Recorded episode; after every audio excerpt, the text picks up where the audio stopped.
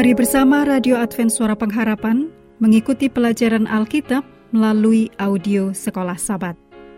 Selanjutnya kita masuk untuk pelajaran hari Selasa tanggal 29 Agustus.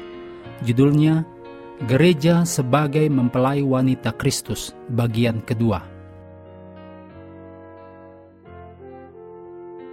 Mari kita mulai dengan doa singkat yang didasarkan pada 1 Petrus 3 ayat 7. Suami-suami, hiduplah bijaksana dengan istrimu, teman pewaris dari kasih karunia, yaitu kehidupan, supaya doamu jangan terhalang. Amin.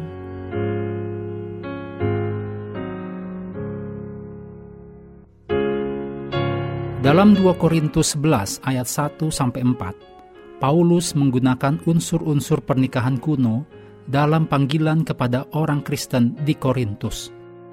Dikatakan bahwa Paulus telah mempertunangkan kamu kepada satu laki-laki untuk membawa kamu sebagai perawan suci kepada Kristus.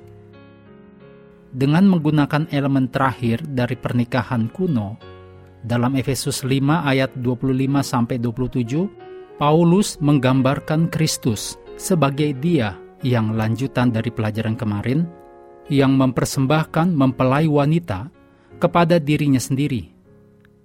Pada zaman kuno, pengantin wanita akan diserahkan kepada mempelai pria oleh pria terbaik, orang-orang terbaik, atau ayahnya.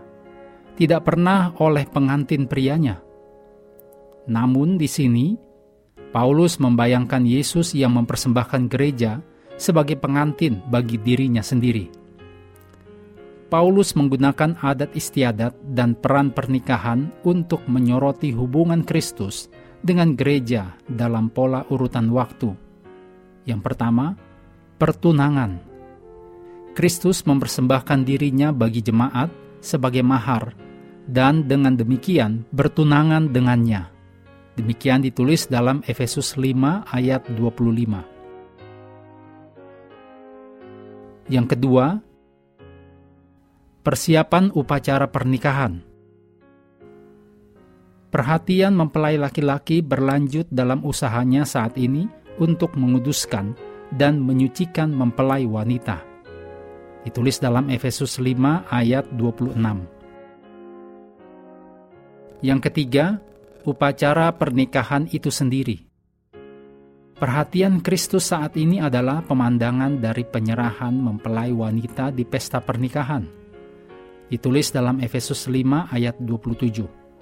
Unsur terakhir ini adalah gambaran perayaan pernikahan akbar pada kedatangannya kembali ketika Kristus, mempelai laki-laki, akan datang untuk mengklaim gereja sebagai mempelai wanita dan mempersembahkannya kepada dirinya sendiri.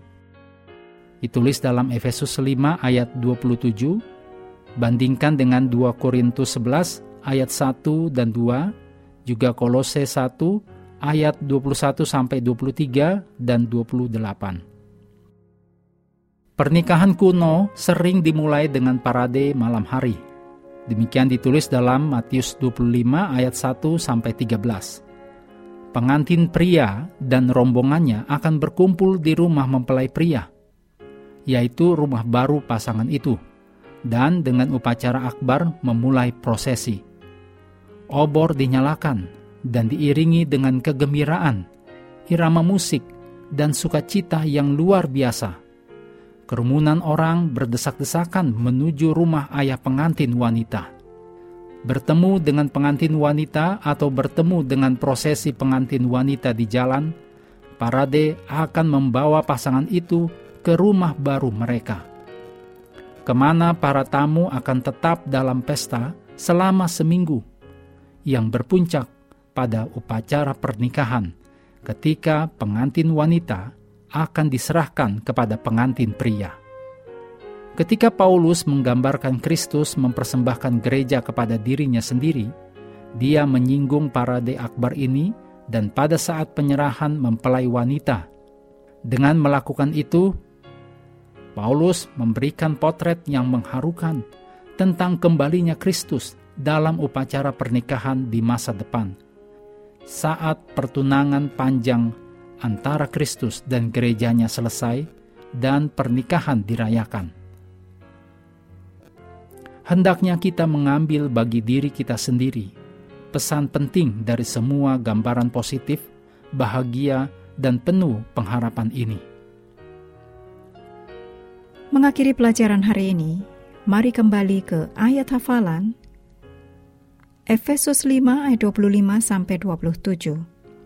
Hai suami, kasihilah istrimu sebagaimana Kristus telah mengasihi jemaat dan telah menyerahkan dirinya baginya untuk menguduskannya, sesudah ia menyucikannya dengan memandikannya dengan air dan firman, supaya dengan demikian ia menempatkan jemaat di hadapan dirinya dengan cemerlang, tanpa cacat atau kerut, atau yang serupa itu, tetapi supaya jemaat kudus dan tidak bercela. Kami terus mendorong Anda bersekutu dengan Tuhan setiap hari, bersama dengan seluruh anggota keluarga, baik melalui renungan harian, pelajaran sekolah sahabat, dan bacaan Alkitab sedunia, percayalah kepada nabi-nabinya, yang untuk hari ini melanjutkan dari Mazmur pasal 115. Tuhan memberkati kita semua.